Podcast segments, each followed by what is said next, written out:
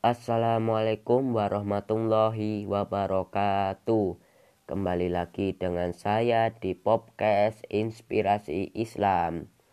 Di podcast kali ini saya akan membahas tentang hukum berkurban. Kenapa saya membahas tentang hukum berkurban? Karena ini sudah mendekati hari raya Idul Adha atau hari raya berkurban. Dan apa saja hukum berkorban itu dan ada berapa hukum berkorban itu. Nah, simak saja dan pelajari ini sangat bermanfaat buat kalian. Nah, hikmah berkorban yang ke satu adalah kurban dilakukan untuk meraih takwa. Yang ingin dicapai dari ibadah kurban adalah keikhlasan dan ketakwaan, bukan hanya daging atau darahnya Allah Ta'ala berfirman dalam Quran Surah Al-Hajj ayat 37 yang berarti daging-daging unta dan darahnya itu sekali-kali tidak dapat mencapai keridoan Allah. Tetapi ketakwaan dari kamulah yang dapat mencapainya. Kata Syekh as di mengenai ayat di atas, ingatlah bukanlah yang dimaksudkan hanyalah menyembelih saja, dan yang Allah harap bukanlah daging dan darah kurban tersebut. Karena Allah tidaklah butuh pada segala sesuatu, dan dialah yang pantas diagung-agungkan. Yang Allah harapkan dari kurban tersebut adalah keikhlasan, ihtisab, dan niat yang soleh. Oleh karena itu, Allah katakan yang artinya ketakwaan dari kamulah yang dapat mencapai ridhonya. Inilah yang seharusnya menjadi motivi, motivasi ketika seorang berkurban, yaitu ikhlas bukan ria ataupun berbangga dengan harta yang dimiliki dan bukan pula menjalankannya karena sudah jadi rutinitas tahunan. Jangan sampai amalan kita hanya nampak kulit saja yang tak terlihat isinya atau nampak jasadnya yang tak ada ruhnya. Kan lucu. Nah, kita lanjut ke hukum berkurban yang kedua. Kurban dilakukan dalam rangka bersyukur kepada Allah atas nikmat hayat kehidupan yang diberikan.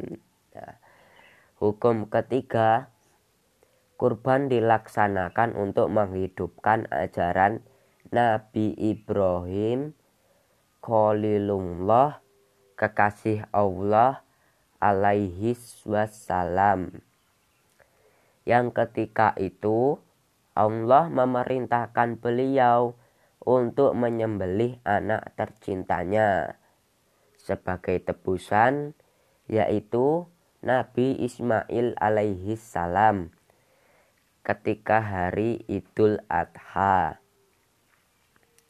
Hukum keempat agar setiap mukmin mengingat kesabaran Nabi Ibrahim dan Nabi Ismail alaihi salam yang ini membuahkan ketaatan pada Allah dan kecintaan padanya lebih dari diri sendiri dan anak. Pengorbanan seperti inilah yang menyebabkan lepasnya cobaan sehingga Ismail pun berubah menjadi seekor domba. Jika setiap mukmin mengingat kisah ini, seharusnya mereka mencontoh dalam bersabar ketika melakukan ketaatan pada Allah yang seharusnya mereka mendahulukan kecintaan Allah dari hawa nafsu dan syafaatnya. Nah, kita lanjut. Hukum yang terakhir adalah hukum kelima.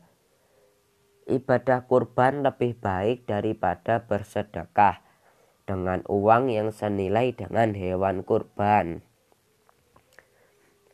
Ibnul Qayyim rahimahumullah berkata, Penyembelihan yang dilakukan di waktu mulia lebih afdol daripada sedekah senilai penyembelihan tersebut.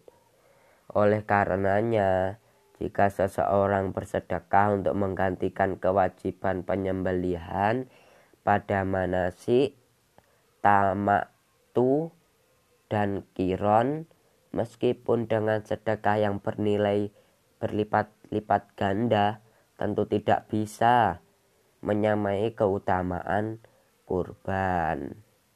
Nah, itu dia lima hukum kurban. Semoga podcast ini bermanfaat bagi kalian yang mendengarkan.